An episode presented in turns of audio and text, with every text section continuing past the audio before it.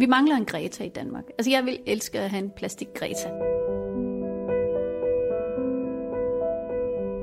Nu har jeg taget det lidt ind i mit job, at, at når jeg giver de unge opgaver, så kan det handle om alt muligt. Og derfor kan det også lige så godt handle om klimaet, ikke? Velkommen til en lidt anderledes hverdagens klimahelte, for der er rigtig mange helte med i den her episode. Der er et valgfagshold med 9. klasses elever fra Gladsaxe skole, der er deres underviser, og så er der en virksomhedsejer. Det handler om et grønt samarbejde, og jeg glæder mig til, at du skal lytte med, og forhåbentlig blive inspireret til at blive helten også i dit eget liv. Jeg står herude foran GXU i Gladsaxe i Søborg, og jeg venter på Hanne. Men måske er det egentlig den anden indgang. Jeg tjekker lige. Nu sidder jeg med dig, Hanne, som har taget initiativ til det her øhm, samarbejde mellem dine øh, elever og så mig, Stig. Vil du starte med at præsentere dig selv, og vil du så fortælle mig lidt om, hvordan kom den her idé? Jeg hedder Hanne, og jeg er grafisk designuddannet og illustrationsuddannet på Designskolen. Jeg er selvstændig, og så kombineret med det arbejder jeg her på GXU, hvor jeg underviser 7. 8. 9. klasser i, i øh, alt fra tegning til valgfaget, der hedder grafisk design og illustration. Det har jeg gjort en 4-5 år efterhånden, og jeg har sådan på et meget tidligt tidspunkt tænkt, at det kunne være rigtig fedt at give eleverne nogle rigtige opgaver, forstået på den måde, at de kunne få en oplevelse af, at det, de laver, bliver brugt af nogen. At man faktisk, som man er nu som ung, kan bruges til noget alvorligt lige nu og her ude i samfundet. Øh, jeg har været så heldig at øh, få kontakt til en virksomhed, der hedder Majestik, som øh, reagerede på et opslag, jeg havde lavet inde på Facebook. Og hun spurgte sådan lidt, kunne I være interesseret i, at det var noget, der handlede om mindre plastik? Og så tænkte jeg bare, yes, det kunne ikke blive bedre.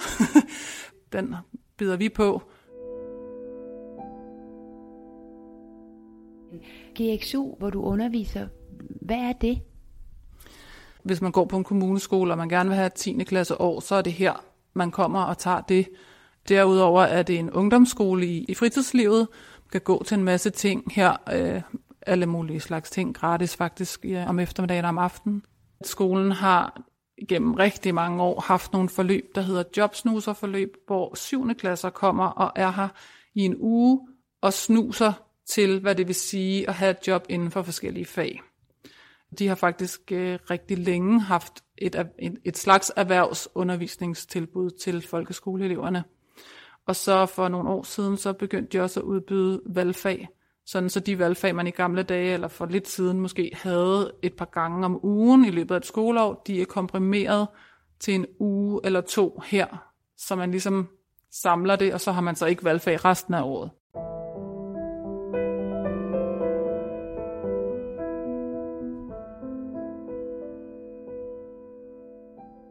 Vi sidder i et rigtig stort og langt rum, som er et værksted. Mm, vi har nogle rigtig gamle borer. Det er næsten kunstværker, abstrakte kunstværker og alt det, der er blevet svinet på dem gennem tiden. Det er meget charmerende, og det er, det er faktisk øh, også befriende, at man kan sidde ved et bord, hvor man ikke skal tænke på at være pæn og ordentlig. Så har vi en masse materialeskabe, som øh, eleverne har malet motiver på øh, i forbindelse med undervisningen. Ja, glas til maling og opslagstavler og lysbord og nogle gode vinduer ud til. Så har jeg faktisk øh, ret god stemning at være i, synes jeg. Jeg sidder og kigger på den der øh, papkasse, der står med sådan en masse metaldåser i alle mulige farver. Det ligner et projekt, I har lavet. Kan vi ikke lige kigge lidt ned i den kasse?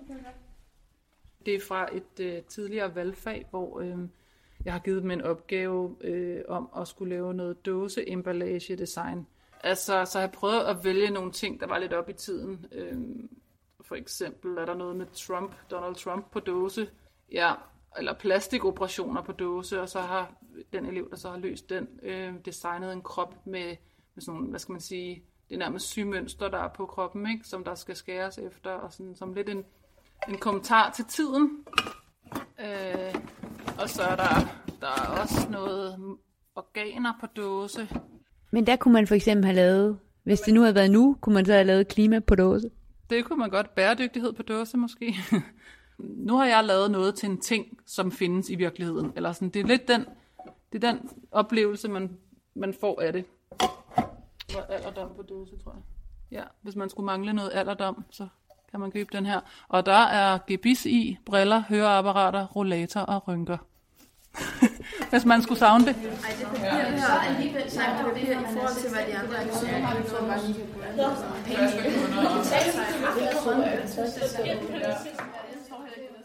Altså holdet, jeg har i det her forløb, er meget typisk. Det er som regel et hold på en 10-12 stykker. Lige på det her hold er det faktisk et rent pigehold. Nu har jeg jo haft dem med to dage. De er et godt hold, og de er engagerede, og jeg lærer hurtigt, synes jeg. Det var bare rent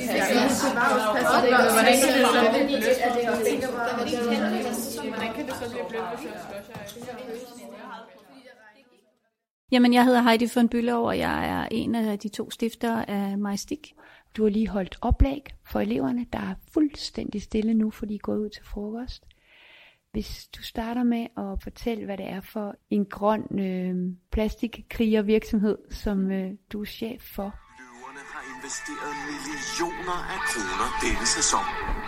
Så jeg vil gerne byde 1,2 millioner. Jeg synes 1,2 millioner er fair bud. Majstik var i Løvens Hule på DR1 i februar 2020. Her endte to af løverne med at investere 1,9 millioner kroner i virksomheden. Den største investering i sæsonen. Sammen til at leve et hverdagsliv med mindre plastik. Goddag. Goddag. Hej. Hej. Jeg hedder Heidi von Bülow. Og jeg er Brian Schmidt.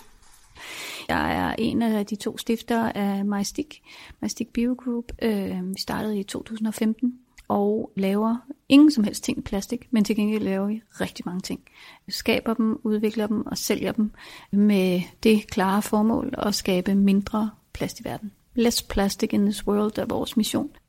Øhm, og det gør vi ikke ved at lave ting, som holder længere tid, fordi det består af mere plastik, men simpelthen af at lave, bruge alle mulige andre materialer. Så vi bruger ikke plastik, hverken indeni eller udenpå. Og den anden del af vores mission er jo at, at lave det til en, på, på en måde, sådan at, øh, at det er tilgængeligt i supermarkedet eller andre steder, hvor vi, øh, kan man sige, på webshops eller andet, hvor at vi øh, handler ind til daglig, og hvor det ikke koster en formue. Fordi hvis vi skal skabe noget forandring på det her plastområde, og det synes jeg vidderligt, at vi skal, så, øh, så skal det være tilgængeligt. Og det er supermarkedet. Så er det en aftale. Ja. Lykke. Sådan der. Ej, hvor vildt. Så redder vi verden. tak for øh, den her Tak for den gang. Vi ses. Tak for den gang. Vi ses. Tak. Ha' det godt. Hej. Hej. Det er så fedt. Det er sgu vildt. Det må man sige. Det er et øh, meget øh, voldsomt øh, salgsmøde, jeg har været ude til her. Det er sådan helt nyt, at der netop er tre slags i, så man kan prøve dem lidt. Og så er der jo det, der er ved, prøv at se, der står dato på. Det er ligesom, der gør på mælken og løbestein, ikke? Ja. Og det er jo fordi, de simpelthen er, er skabt til at gå i stykker. Lidt kompliceret. Ja, så de be- begynder som, så de holder et års tid fra, øh, fra at vi har produceret dem. Og så har man ikke det. Godt? Ja, det går det i stykker, så man Ja, fordi det er både, øh, kan man sige, det er både øh, ilten og lyset, og, øh, som, som, som begynder sådan ligesom at gå i det. Så det de gør, det er sådan, de begynder at flække. Okay. Så man skal helst øh, have den mørkt, jo altså derfor gerne i æsken med nede i køkkenbordskuffen, øh, og, så, øh, og så gerne ikke alt for varmt.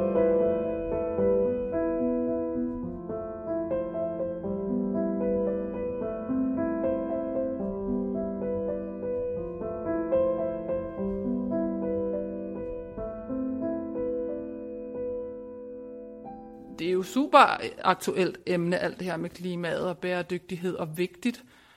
Så hvis øvelsen er for dem at skulle formidle et emne, og det emne i princippet kunne være hvad som helst, og de vil lære noget af det uanset, så ser jeg bare mit snit til at få det til at handle om noget, vi brænder for, eller som er vigtigt.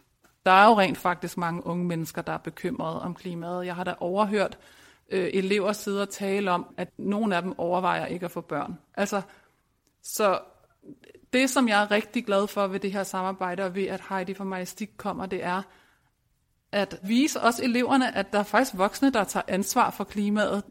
I den fortælling er jeg lidt imod, at det er unge, der skal kæmpe for klimaet. Det er deres fremtid, og det var dem, der pressede på for den grønne dagsorden under valget og sådan noget. Det kan, jeg kan godt blive lidt træt over den fortælling, fordi der er mange voksne, der gør noget. Det er især voksne, der kan gøre noget. Altså fordi de unge kan sige derhjemme, at de ikke vil spise kød, og de kan købe lidt færre produkter, og de kan gå i genbrugstøj, og så kan de gå til klimastrække. Men de har jo ikke de har jo ikke jobs, hvor de har en indflydelse, eller de har heller ikke vildt stor økonomi, så de rigtig kan præge sig debatter. De har jo heller ikke stemmeret, altså, så de kan heller ikke rigtig præge den, den politiske dagsorden ved at sætte deres kryds et bestemt sted. Og der synes jeg faktisk, at os, som er rigtig voksne, eller man skal sige godt etableret i vores jobs, vi kunne godt se vores øh, små snit til eller store snit til at, at få lavet nogle forandringer og få det ind, fordi vi kan. Det, at jeg som mig som person og jeg som virksomhed kan, kan være med til at skabe noget bro, udbrede noget viden, men også få deres viden, de unges øh, viden ud og få dem til at tænke og øh, høre deres reaktioner. Jamen, altså, det, det synes jeg giver mening. Det er der ingen grund til ikke at støtte op om. Jeg har faktisk gjort det flere gange før. Vi havde super mange øh, fede spørgsmål her øh, i dag. Jeg kan aldrig sætte tid på, når jeg er ude og lave de her oplæg, fordi at halvdelen af det bliver lynhurtige spørgsmål. Og det er lige meget, om det er voksne eller unge eller uddannede, eller altså, øh, hvem det end er, så er der altid flere spørgsmål. Og det er jo fordi folk går op i det her. Og lige præcis de unge, det er jo de unge, der skal skabe noget forandring øh, her, lige præcis på plastik. Og hele den her, kan man sige, emballage, forbrugsmønstre, øh, der er det jo øh, de unge, der skal skabe forandringen. Der er det jo ikke også gamle, som det måske er med de større øh, energi- og øh, klima- og CO2-tiltag. Øh, det bliver jo bekræftet i dag. Vi begynder som så de holder et års tid fra, fra vi har produceret dem. Og så har man ikke det. Hvad? Det går det stykker, så man ja, fordi... Hvad er hovedproblemet, jeg som forbruger skal forstå med plast? Plastik er det allerbilligste materiale, du kan komme i nærheden af. Der er virkelig mange forskellige typer. De kan blandes på alle mulige måder, og bliver det også. Og man kan lave det til alt muligt. Og det, går jo, det forgår jo ikke. Det er jo skidesmart. Og samtidig med, at det så er det billigt, det gør, at det er et kæmpe stort problem. Fordi det bliver brugt til alting.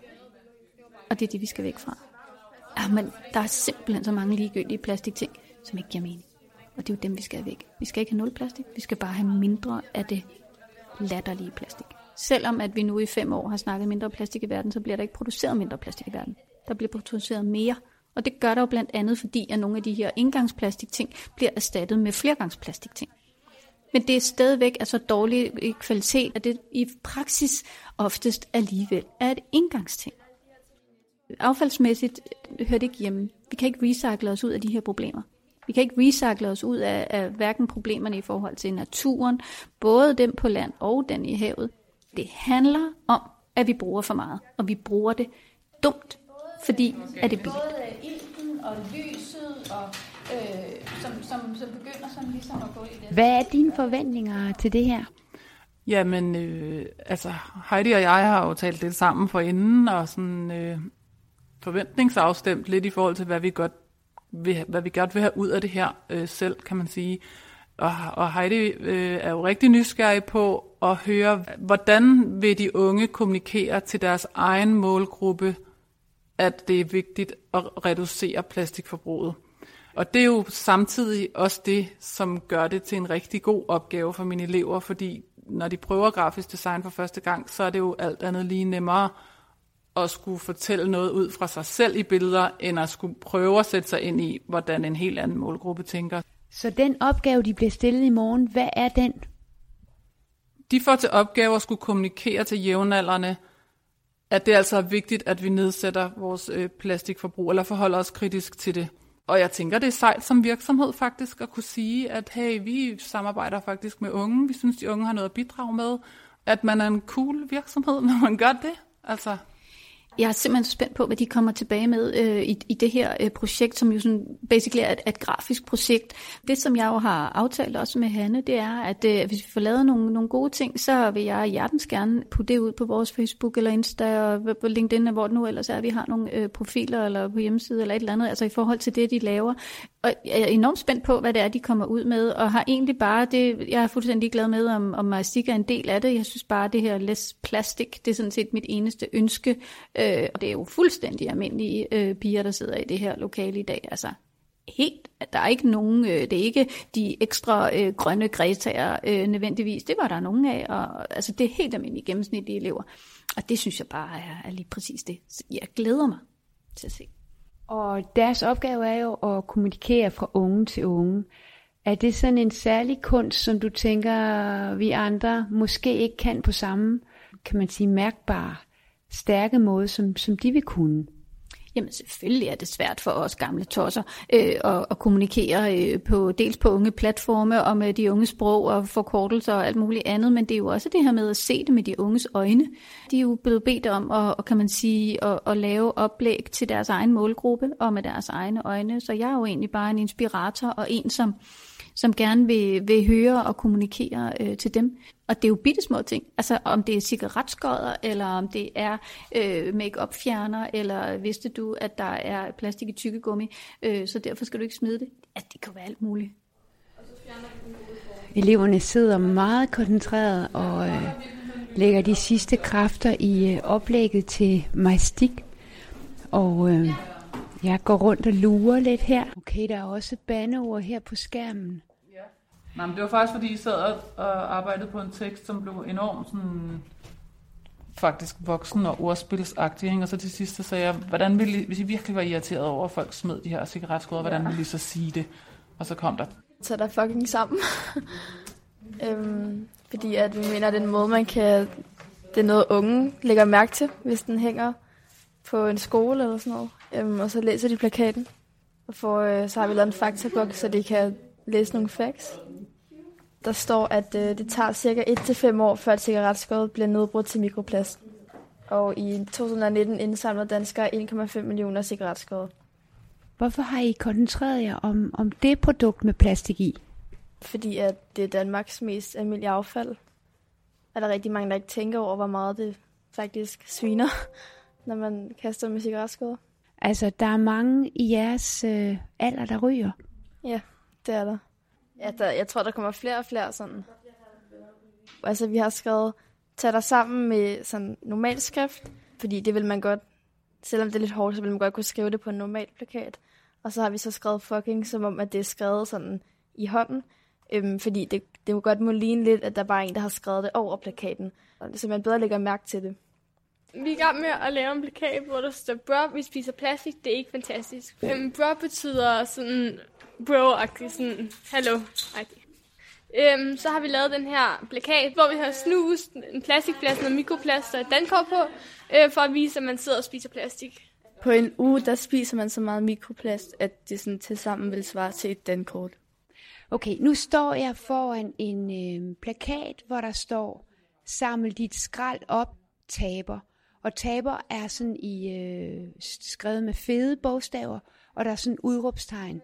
Jeg kunne godt tænke mig at høre, hvorfor I har brugt det ordvalg, fordi nu var jeg over at høre om det her, øh, øh, tag dig sammen, tag dig fucking sammen, som jo også går over i et sprogbrug, hvor man kan sige, øh, taber er lidt i samme klasse. Det er en intern joke mellem mig og mine venner, øh, som vi meget bruger til at beskrive hinanden. Ikke fordi vi synes hinanden er tabere, men det er bare det, vi bruger.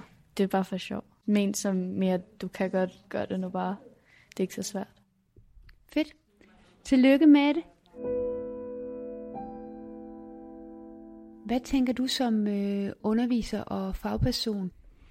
Jeg tænker, at øh, de har forstået opgaven 100%, og det ser enkelt ud, og de, de mestrer programmets værktøjer, som jo selvfølgelig er en del af fokus også for mig.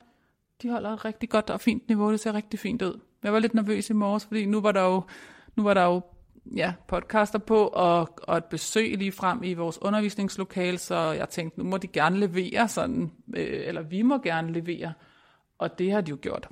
Så jeg er lidt glad nu. Hvad er næste step? I forhold til plakaterne, tænker du? Altså, de skal printes, de skal have en med hjem hver, og, og så skal Majstik have dem tilsendt, så Heidi kan give en tilbagemelding, hvad hun synes, og om hun vil bruge dem på hendes platform. Og det håber jeg, hun har tid til at kigge på. Altså, det er jo meget tight, alt det her, ikke? Og så øh, svare på mail, hvad hun gør.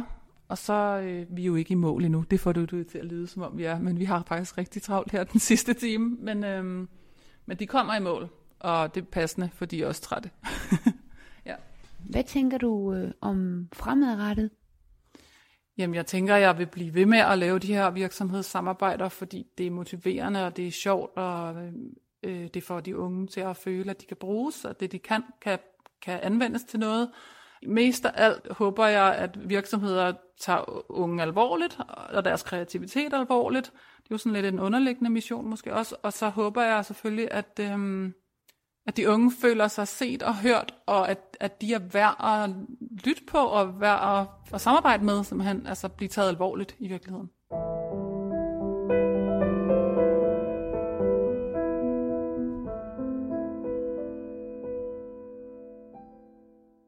Kunne det være et led i en, en fremtidig strategi at tage de unge meget mere med ind, når man som virksomheder vil ud og nå den målgruppe, som bliver fremtidens forbrugere og, og dem med stemmerne? Jeg har faktisk flere gange været, altså dels har jeg haft flere ting med, med unge undervejs, men jeg har også faktisk par gange haft, haft netop tiltag i gang, netop øh, med fra ung til ung. Og den der øh, talen til, til egen målgruppe, det, øh, altså, jeg vil helt vildt gerne gøre det. Jeg tror jeg netop, at der skal færrest muligt voksne ind over andet end til at være med til at konceptualisere det, men, men, men stemmerne burde være de unges. Altså jeg som udefrakommende, fordi jeg har jo været sådan en flue på væggen her de her tre dage, jeg ser jo et kæmpe potentiale i, i de her unges kreativitet, som du jo også nævnte, da vi snakkede sammen i går. Ja, altså det er gennem flere års erfaring med de her hold og det her undervisning. Unge mennesker har vildt mange gode idéer. Altså, vi, vi andre er ikke, det kan godt være, at vi er uddannet, eller jeg måske er uddannet i, hvordan man, man udvikler idéer, men de har rigtig nemt ved at få fede idéer. Det kan jeg virkelig mærke. De skal da spørges og bruges øh, i højere grad, tænker jeg. Og jeg håber også, de føler sig spurgt og hørt i det her. Det var jo det, der var formålet, eller det er det, jeg, jeg føler, de her virksomhedssamarbejder kan give dem. At øh, igen, at det ikke ikke bare er for skoleøvelsens skyld, men at der er nogen, der, øh, der kan bruge det. Det synes jeg, der er mega fedt. Ej, det papir her, alligevel sagt her i forhold til, hvad de andre Altså, er man ved at blive træt af at høre om klimaet og de udfordringer, der er? Og nu er det jo så plast, I har arbejdet med. Øhm, jeg er ret træt af det sådan set, fordi hvis der er sådan et stort problem, hvorfor gør man så ikke noget ved det? Altså, det kan godt være, at man skal være bedre som forbruger, men du kan ikke hjælpe, hvis staten og samfundet ikke hjælper til om det. Fordi jeg, jeg som en pige på 14 år har jo ikke noget valg, fordi jeg er ikke gammel nok til at stemme, og jeg er ikke gammel nok til at have politisk indflydelse. Det der med, at altså, man skal gøre modstand. Altså, altså, vi er oppe i 2020. Hvorfor skal vi gå op foran Christiansborg nu? Hallo, det her det er ikke okay. Vi er nået så langt i verden, vi er nået så langt i vores globalisering. Altså, vi er jo ikke tilbage i 2. verdenskrig, hvor vi lavede øh, hvad hedder, folkestræk mod tyskerne. Det eneste, vi skal have, det er, at vi skal have hjælp ovenfra. Og så kan det godt være, at jeg synes, det er fedt, at der er nogen, der laver måder, tandbørster og forskellige husholdningsting i en bæredygtig materialer, men jeg kan simpelthen ikke se meningen med, at det er mig, der skal gøre noget, som en 14-årig pige skal få at vide, at du skal gøre noget. Det er os voksnes ansvar. Ja, det, det vil jeg sige. Jeg vil helt klart gøre mere, end der bliver gjort nu. Øhm, fordi det er vores, altså det er alle os, det er vores fremtid, det handler om. Sådan, altså det, det er os, der skal ordne alt det, som de voksne, der er nu, de ikke kunne finde ud af at ordne. Og så bliver det værre for os, og så de næste generationer, og så bliver det kun værre, hvis der ikke bliver gjort noget nu.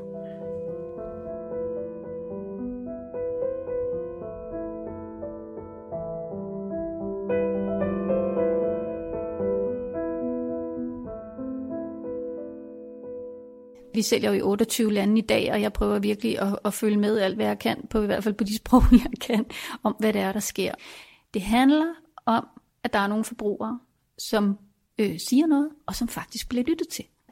Altså det, det er jo forbrugeraktivisme, der skaber det her. Vi mangler en Greta i Danmark. Altså jeg vil elske at have en plastik Greta. Den opfordring jeg har med givet videre.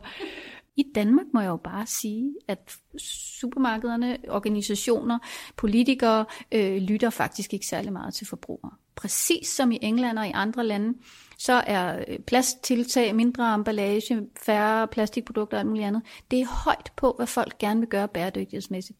Det er 50, 60, 70, 80, 90 procent af forbrugere, som siger, at jeg vil gerne af med, med dit eller dat i forhold til plastik. De bliver ikke hørt i Danmark noget, som breder sig øh, rundt omkring i verden, altså helt fra Tjekkiet, Tyskland, Holland, England selvfølgelig. Det er øh, også USA. Det er det her med, at man kan komme med sin egen emballage over til delikatessen og, og få sit kød, eller sit pålæg, eller sin fisk, eller sin kage i den øh, bøtte, man selv har med hjemmefra, i stedet for partout og skulle have det der jo oftest øh, plastikindgangsemballage. Det giver super meget mening, at det er jo, det er jo decideret øh, rethink, det er reduce, øh, det er helt op på toppen af, hvad det faktisk er, der giver mening på alle parametre. Jeg havde besøg af en italiensk journalist her for et halvt års tid siden, før coronaen. Jeg tog hende med ud i en helt ny øh, lavet, virkelig lækker butik. Hun var chokeret. Hun havde aldrig set så meget plastik og i øvrigt heller ikke de tre øh, kameramænd og teknikere og noget, hun havde med. Hun havde aldrig set så meget plastik, som der var rundt om frugt og grønt og delikatesser og rundt omkring i butikken. Alting var jo plastik. Hendes mission var, hun var rundt i Europa for med den mission at finde ud af, om de forskellige lande ville være fri for indgangsplast i 2030. Og hun kunne godt forstå, da jeg sagde, nej, det tror jeg ikke, der sker i Danmark. Jeg plejer jo at spørge mine, øh, mine klimahelte, og nu sidder jeg over for en af dem, dig. Øh, du er en del af det her projekt. Hvad du tænker, der skal til, for at vi får sådan en, en fælles fortælling om, at vi skal gøre noget ved den her klode? Altså, hvad er dit bedste bæredygtige råd? Jeg startede som vegetar for mange år siden, og jeg har egentlig altid købt genbrugstøj, mest som studerende, fordi at jeg ikke havde penge, og så blev jeg lidt vant til det, ikke? og så blev jeg ved med det. Også bare sådan, fordi det kunne økonomisk vildt godt for, altså, betale sig. Så der er sådan, altså, man kan sige, der er nogle vaner, der har været der længe på, på sådan hjemmefronten. Og så var det som om, på et tidspunkt, at det gik op for mig, at, at altså, jeg begyndte nok at tænke over, hvordan kan jeg gøre mere end... Altså, det føltes ikke som om det rigtig battede, hvis jeg ændrede mine hjemmevaner bare. Og jeg begyndte også at føle, at de der opråb, jeg stod og var med til at lave i i klimademonstrationer. Jeg vil ikke sige, at de ikke virker, det gør de selvfølgelig. Men det var som om, at lige pludselig gik det op for mig, at hvad kan jeg gøre via mit arbejde? Så gik det op for mig, at det er jo i min faglighed, jeg kan gøre noget, der er lidt større, end, end hvad jeg spiser derhjemme om aftenen. Ikke? Hvis jeg skulle komme med et råd, så ville det måske være, at man lige analyserede lidt på, hvor er det egentlig, jeg har nogle valgmuligheder henne. Ikke bare på egne vegne, men også på på flere menneskers vegne. Og, og jeg taler ikke om, at man skal blive, hvad hedder sådan noget, fanatisk og, og, og ikke tale om andet nødvendigvis, men der er jo en masse steder, hvor hvis man lige skruer lidt på sin egen hjerne, så kan man lige så godt øh, vælge et grønt alternativ i stedet for det, man plejer. For jeg tror, der er rigtig meget af det der, det jeg plejer at gøre, det er det nemmeste. Men det er jo rigtig nemt, når først du er blevet bevidst om, at det kan gøres på en anden måde, og så begynder at dyrke det nu har jeg taget det lidt ind i mit job, at, at når jeg giver de unge opgaver, så kan det handle om alt muligt. Og derfor kan det også lige så godt handle om klimaet, ikke?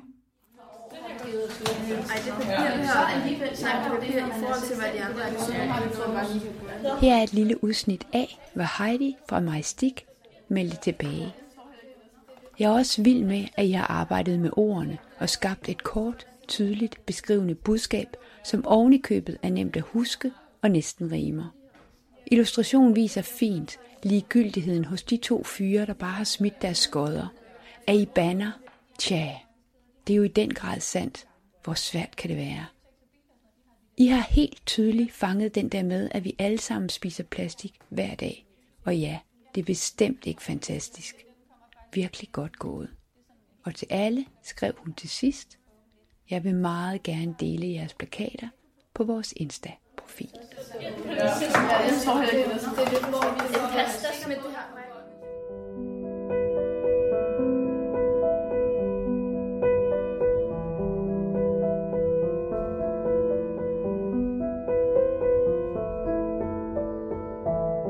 Vi har en klimakamp, der skal vindes.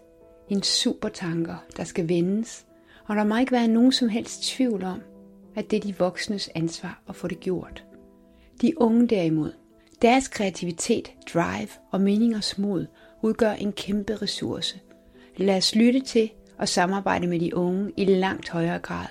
Lad os bruge hinanden og komme i mål. Jeg hedder Lene Aarhusen Fosgaard. Jeg er klimajournalist. Pas godt på dig selv og din og min verden.